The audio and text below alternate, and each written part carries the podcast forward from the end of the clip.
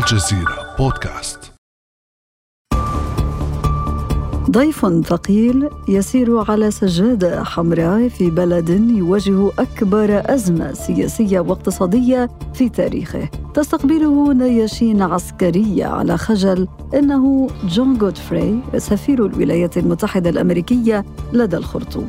وما إن وصل الرجل إلى السودان بعد 25 عاما من القطيعة الدبلوماسية وقرابة ثلاثة عقود من حصار أمريكي أرهق البشر والحجر حتى بدا منزعجا من تقارب الخرطوم مع الكرملين ورافضا لإقامة قاعدة عسكرية روسية في هذا البلد على البحر الأحمر. لكن للسودانيين موقف آخر. وفق نائب رئيس مجلس السيادة الانتقالي في السودان محمد حمدان حميدتي بعد عودته من زيارة لموسكو. نمشي لمصلحة السودان. القاعدة دي هل عندها مصلحة للسودان ولا ما عندها مصلحة للسودان؟ إحنا المفروض نشوف مصلحة السودان. السودان داير شنو؟ الشعب السوداني داير شنو؟ مصلحته وين؟ خلينا من ناحية عسكرية برضه من ناحية تنموية. هل القاعدة دي من ناحية من مسؤولية مجتمعية؟ هل هي عندها لأهل شرق السودان عندها لهم راجع؟ هل هي لأهل السودان شرق السودان عندها لهم تنمية؟ الآن أهل شرق السودان ما لاقين موية يشربوها. موية زرقاء يشربوها ما لاقينها. فأنا ما شايف أنا ده, ده ملف آه هو مسؤول منه وزير الدفاع في الدولة ودي ما مسؤولية أي إنسان ثاني مسؤولية وزير الدفاع المباشرة. ولكن أنا شايف أنه إحنا عندنا 730 كيلو متر على البحر الأحمر. لو عندنا مصلحة في أي دولة دايرة تفتح معانا آه آه قاعدة في ونحن عندنا فيها مصلحة ما بتحدد لنا الأمن القومي حقنا. إحنا ما عندنا مشكلة نتعامل مع أي إنسان آه روسيا ولا غير روسيا. إذا تقترب روسيا من باب المندب الممر البحري الأهم على مستوى العالم بقاعدة عسكرية قادرة على استيعاب سفن تعمل بالطاقة النووية. فما طبيعة القاعدة العسكرية الروسية في البحر الأحمر؟ وماذا سيستفيد السودان من هذه القاعدة العسكرية الروسية؟ وما أهميتها الاستراتيجية والجيوسياسية لروسيا؟ ولماذا تتخوف واشنطن منها رغم امتلاكها قاعدة عسكرية قريبة في جيبوتي؟ بعد أمس من الجزيرة بودكاست أنا أمال العريسي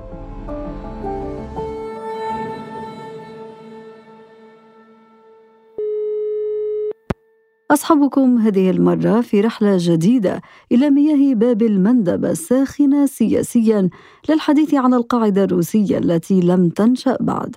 وضيفي في هذه الحلقة الأستاذ محمد صالح مدير المركز الأفريقي للأبحاث ودراسة السياسات. أهلا وسهلا بك أستاذ محمد. أهلا وسهلا بك أستاذ أمال وأنا سعيد بهذا اللقاء حقيقة ونحن أسعد. بداية أستاذ محمد ما طبيعة القاعدة العسكرية الروسية في البحر الأحمر؟ شكرا جزيلا على هذا اللقاء أستاذة ولتسليط الأضواء على واحدة من أهم المناطق الاستراتيجية في إفريقيا وفي حلقة من حلقات الصراع الدولي على إفريقيا. هي حقيقة الوجود الروسي في إفريقيا بشكل عام والسودان والعلاقات معه لم تكن حديثة. كانت قديمة جدا من فترة الاتحاد السوفيتي. وصراع الحرب الباردة. ولكن تجددت برغبة السودان في 2017 كما هو معلوم إبان زيارة البشير وطلبه من روسيا أن يقدم مساعدة ضد التهديد الأمريكي. يمثل هذا حقيقة استعداد لدى الروس بأن هناك فرصة في السودان وبنوا عليها لاحقا ما يعرف الآن بالقاعدة الروسية في مياه البحر الأحمر على الشواطئ السودانية. أو نقطة الارتكاز أو مركز لوجستي. تعددت المصطلحات ولكن في النهاية تتيح دخول استراتيجي لروسيا في السودان ومن ثم التغلغل إلى إفريقيا. فروسيا تخوض حقيقة صراع منذ 2014 وبداية العقوبات الأوروبية بعد دخول القرن.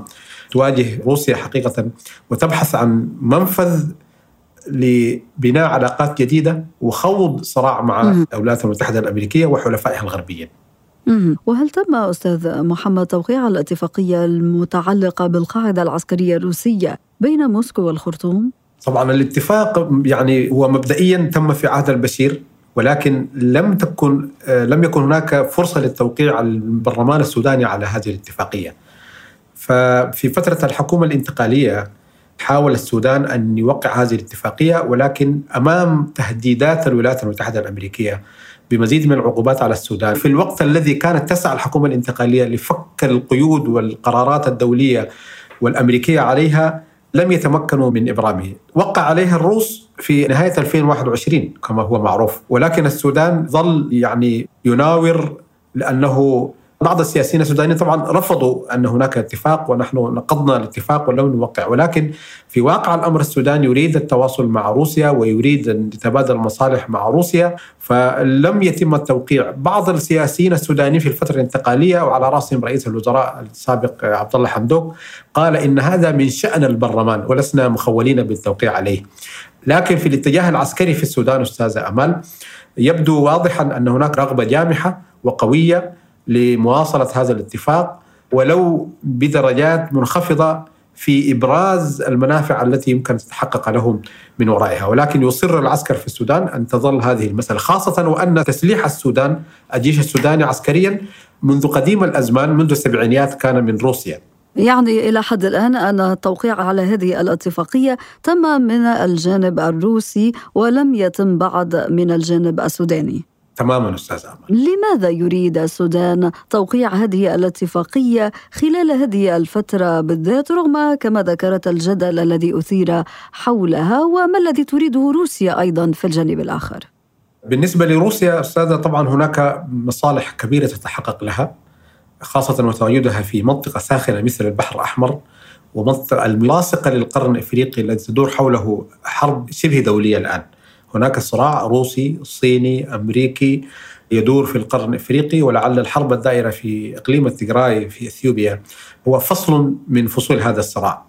الروس لديهم مصلحة في السودان ولديهم مصلحة تمتد عبر السودان إلى إفريقيا. الروس حقيقة لديهم مشاريع ضخمة جدا في إفريقيا يعني ترتبط بالسودان. والسودان بموقعه الجغرافي الذي يقع ما بين قريب جدا من منطقة الجزيرة العربية وشمال إفريقيا وعلاقاته بمصر وعلاقاته بشرق إفريقيا ودول القرن الإفريقي يشكل حلقة استراتيجية لكل من يريد أن يتعامل مع العمق الإفريقي.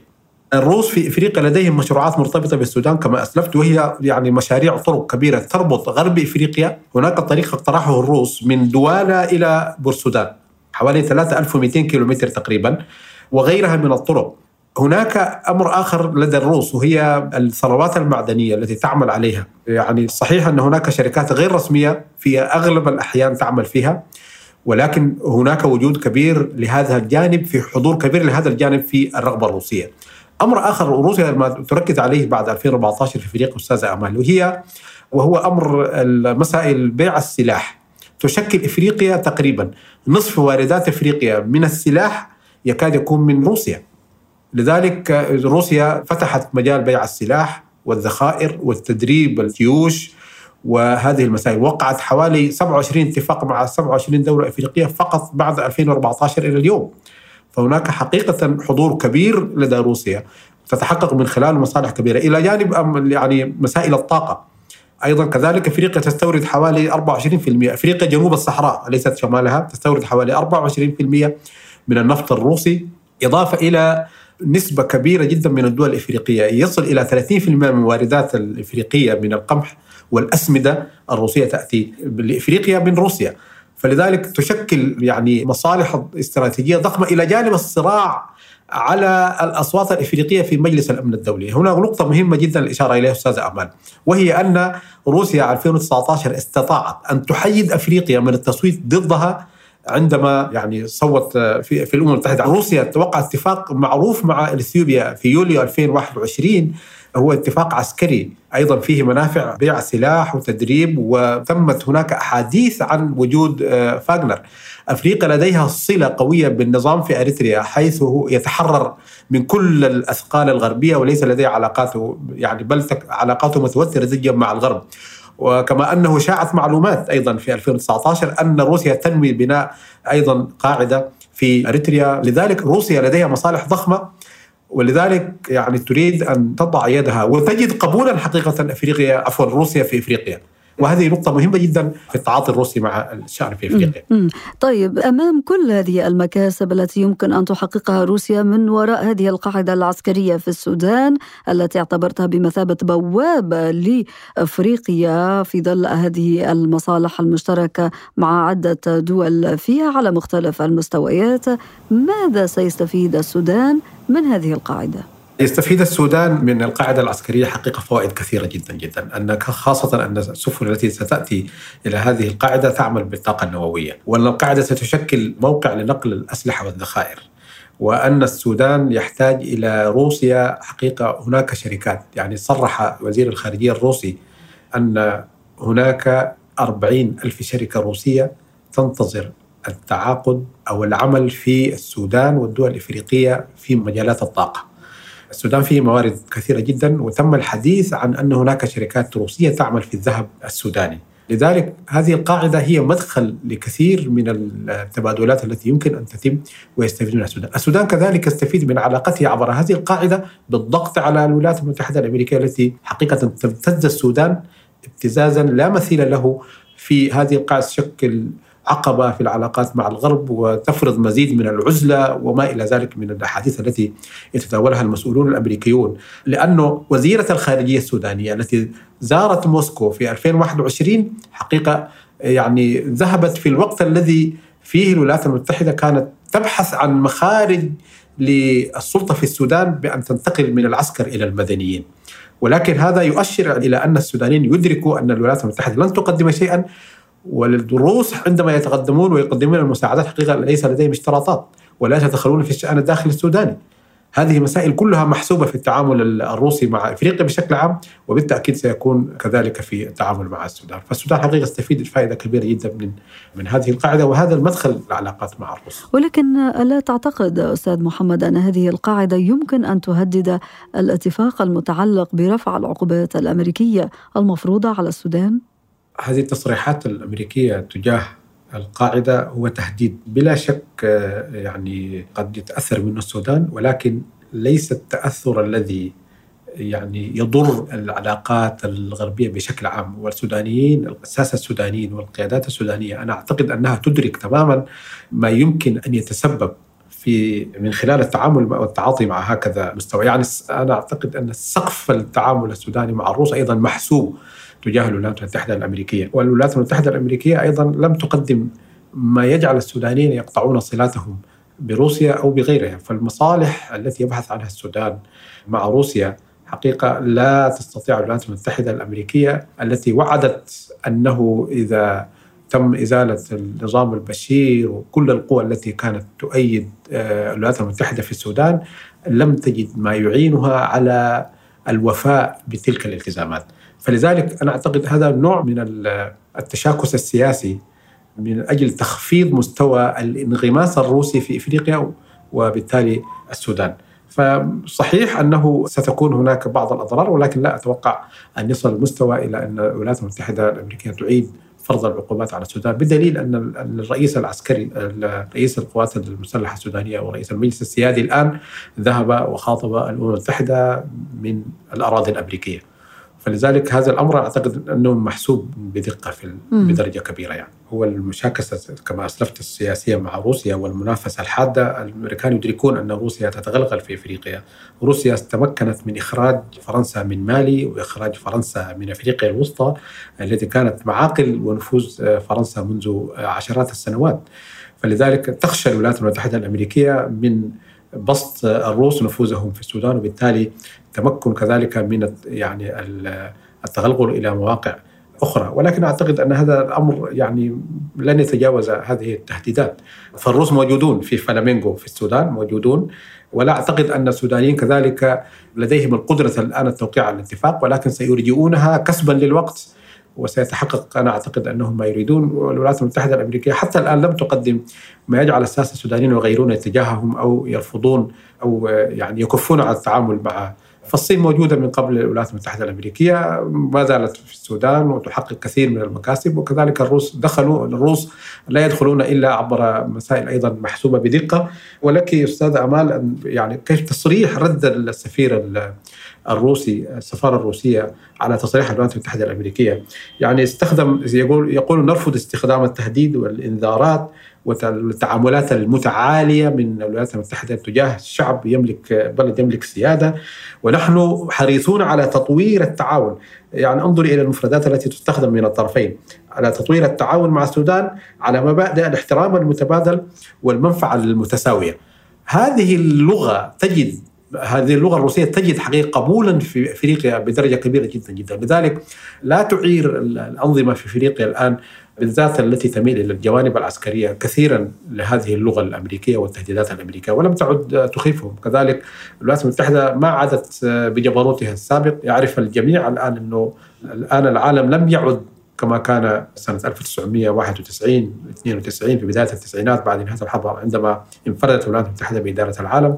والآن العالم يتجه إلى أكثر من قطب إلى أكثر من إدارة إلى أكثر من إرادة تسهم في إدارة الصراع الدولي. بمعنى آخر السودان اليوم كما ذكرت لم توقع حتى الآن على هذه الاتفاقية. هي تحاول كسب الوقت لاعتماد هذه القاعدة كورقة ضغط سودانية على الولايات المتحدة الأمريكية وفي نفس الوقت يعني تنحاز إلى روسيا.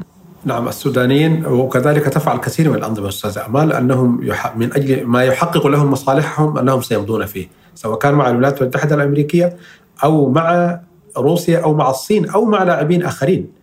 يعني هناك دول صاعدة في أفريقيا غير هذه الدول الكبيرة وتحقق أيضا كذلك مكاسب اقتصادية وسياسية كبيرة جدا من خلال التعامل.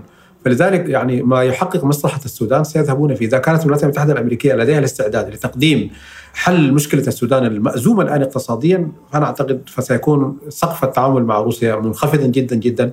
ولكن في ظل تعقيد الوضع الاقتصادي و يعني تفرج الولايات المتحدة في الوضع في السودان كما نراه أنا أعتقد لن يعير السودانيون كثيرا التهديدات الأمريكية. فقد ظل السودان يعني بلا سفير أمريكي منذ 25 سنة. وظلت العقوبات الأمريكية على السودان صوتا يجلس السودانيين. فلن يحدث أكثر مما حدث في تصوري في السودان. الوضع متردد جدا من الناحية الاقتصادية والسياسية والأمنية وكذلك هناك وعي لدى شعوب إفريقية تقدمت جدا جدا ودرجات كبيرة من فرز من يعمل لصالح الشعوب وفرز من يعمل لصالح فقط مصلحته ويريد أن يفرض شروطا في كيفية عيش الناس. ولكن هذا الوضع الاقتصادي والسياسي المأزوم في السودان قد ينضاف إليه ربما أن السودان سيكون أرضا للتنافس والتصادم بين الولايات المتحدة الأمريكية وروسيا بسبب هذه القاعدة العسكرية الروسية المرتقبة. أنا أعتقد سيظل السودان وقد ظل منذ سنوات طويلة آه، مكان الصراع ذلك لموقعه الاستراتيجي في القارة الإفريقية وقريب من آسيا وبساحل طويل وقريب يعني ولصيق بالقرن الإفريقي فظل ساحة صراع وسيظل ساحة صراع أنا في تصوري هي معادلة غاية في الصعوبة ولن يعني ما لم تأتي عوامل أخرى يعني تغير مسار الأحداث في اتجاه فإن السودان سيظل حقيقة محل صراع. يعني لأن السودان يوفر لمن آه، يعني يجد ملاذا في السودان يوفر التعامل مع عدد كبير من الدول في إفريقيا شمالا وغربا وشرقا ووسطا. السودان موقع استراتيجي جدا ولذلك سيظل الصراع أنا في تقديري لن ينتهي بتوقيع القاعدة بالتوقيع على على القاعدة أو أو رفضها حتى يعني. سيظل سيظل محل صراع بلا شك.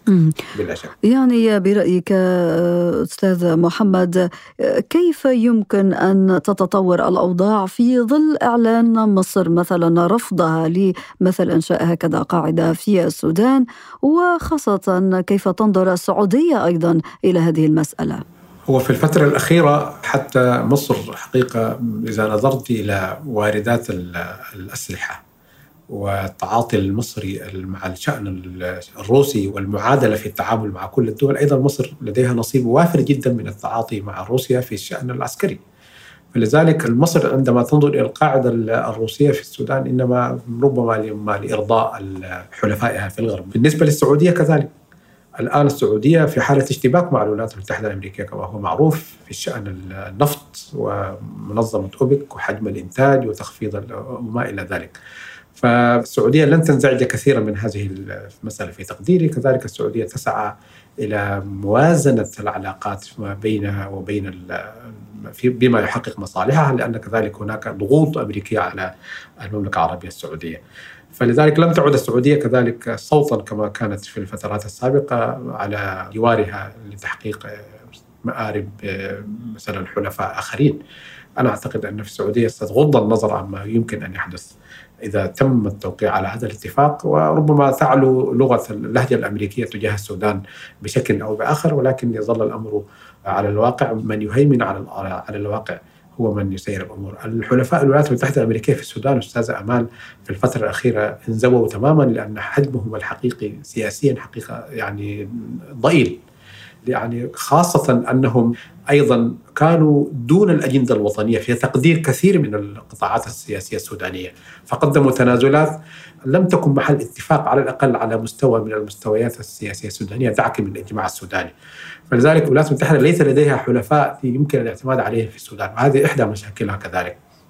بسبب التعامل الأمريكي مع الشأن السوداني طيلة يمكن أستطيع أن أقول طيلة نصف القرن الفائت يعني ظل السودان مستهدفا من الولايات المتحدة الأمريكية وحلفائها لإضعافه وفصل جزء أصيل من السودان والعمل على حركات المتمرده من أجل إضعافه، فيدرك السودانيون مثل هذا خاصة في السنوات الثلاث الفائتة أنه الذي حدث هو أن السودان من بلد كان لديه حكومة قوية تحكمه ايا كان الحزب والجهة التي كانت تحكم أصبح السودان الآن بلا حكومة.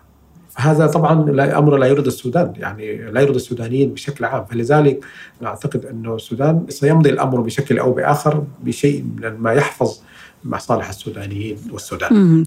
اذا في ظل تراجع آه، مكانه الولايات المتحدة الأمريكية في صفوف الساسه السودانيين وتصاعد الدور الروسي في إفريقيا من منطلق بوابه السودان، كيف ترى أستاذ محمد مستقبل القاعدة الروسية في السودان؟ أنا أعتقد آه، هناك فرصة للحاكمين الممسكين بالسلطة في الوقت الراهن لأنه ليس هناك برلمان في السودان. يعني تذهب إلى هذه الاتفاقية ومن ثم يتم التوقيع عليها والمصادقة.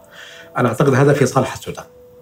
أنه صحيح أن السودان وهي مشكلة في أن لا يكون لديها برلمان وبالتالي يعمل على تقصير فترة الفوضى هذه. ولكن في صالح أن يمضي التعاون السوداني الروسي بدرجة كبيرة إلى الأمام. هذا سيتيح أيضا معالجة كثير من القضايا التي يمكن أن تشكل ضغط على الحكومة السودانية الراهنة إلى الفترة التي تأتي فيها حكومة وبرلمان منتخب وبالتالي دستور معتمد من ثم وضع الاتفاق محل التنفيذ. أنا أعتقد السودان لديه وقت يعني إذا للمناورة الكافية والنظر في ما يحقق مصالحه آه، يعني إلى أن تأتي الحكومة التي يمكن أن ترفض أو تقبل لعل هذا في مصالح السودان. الأستاذ محمد صالح مدير المركز الأفريقي للأبحاث ودراسة السياسات. شكرا جزيلا لك. أشكركم مجددا على هذه الفرصة. شكرا جزيلا أستاذ أمال. كان هذا بعد أمس.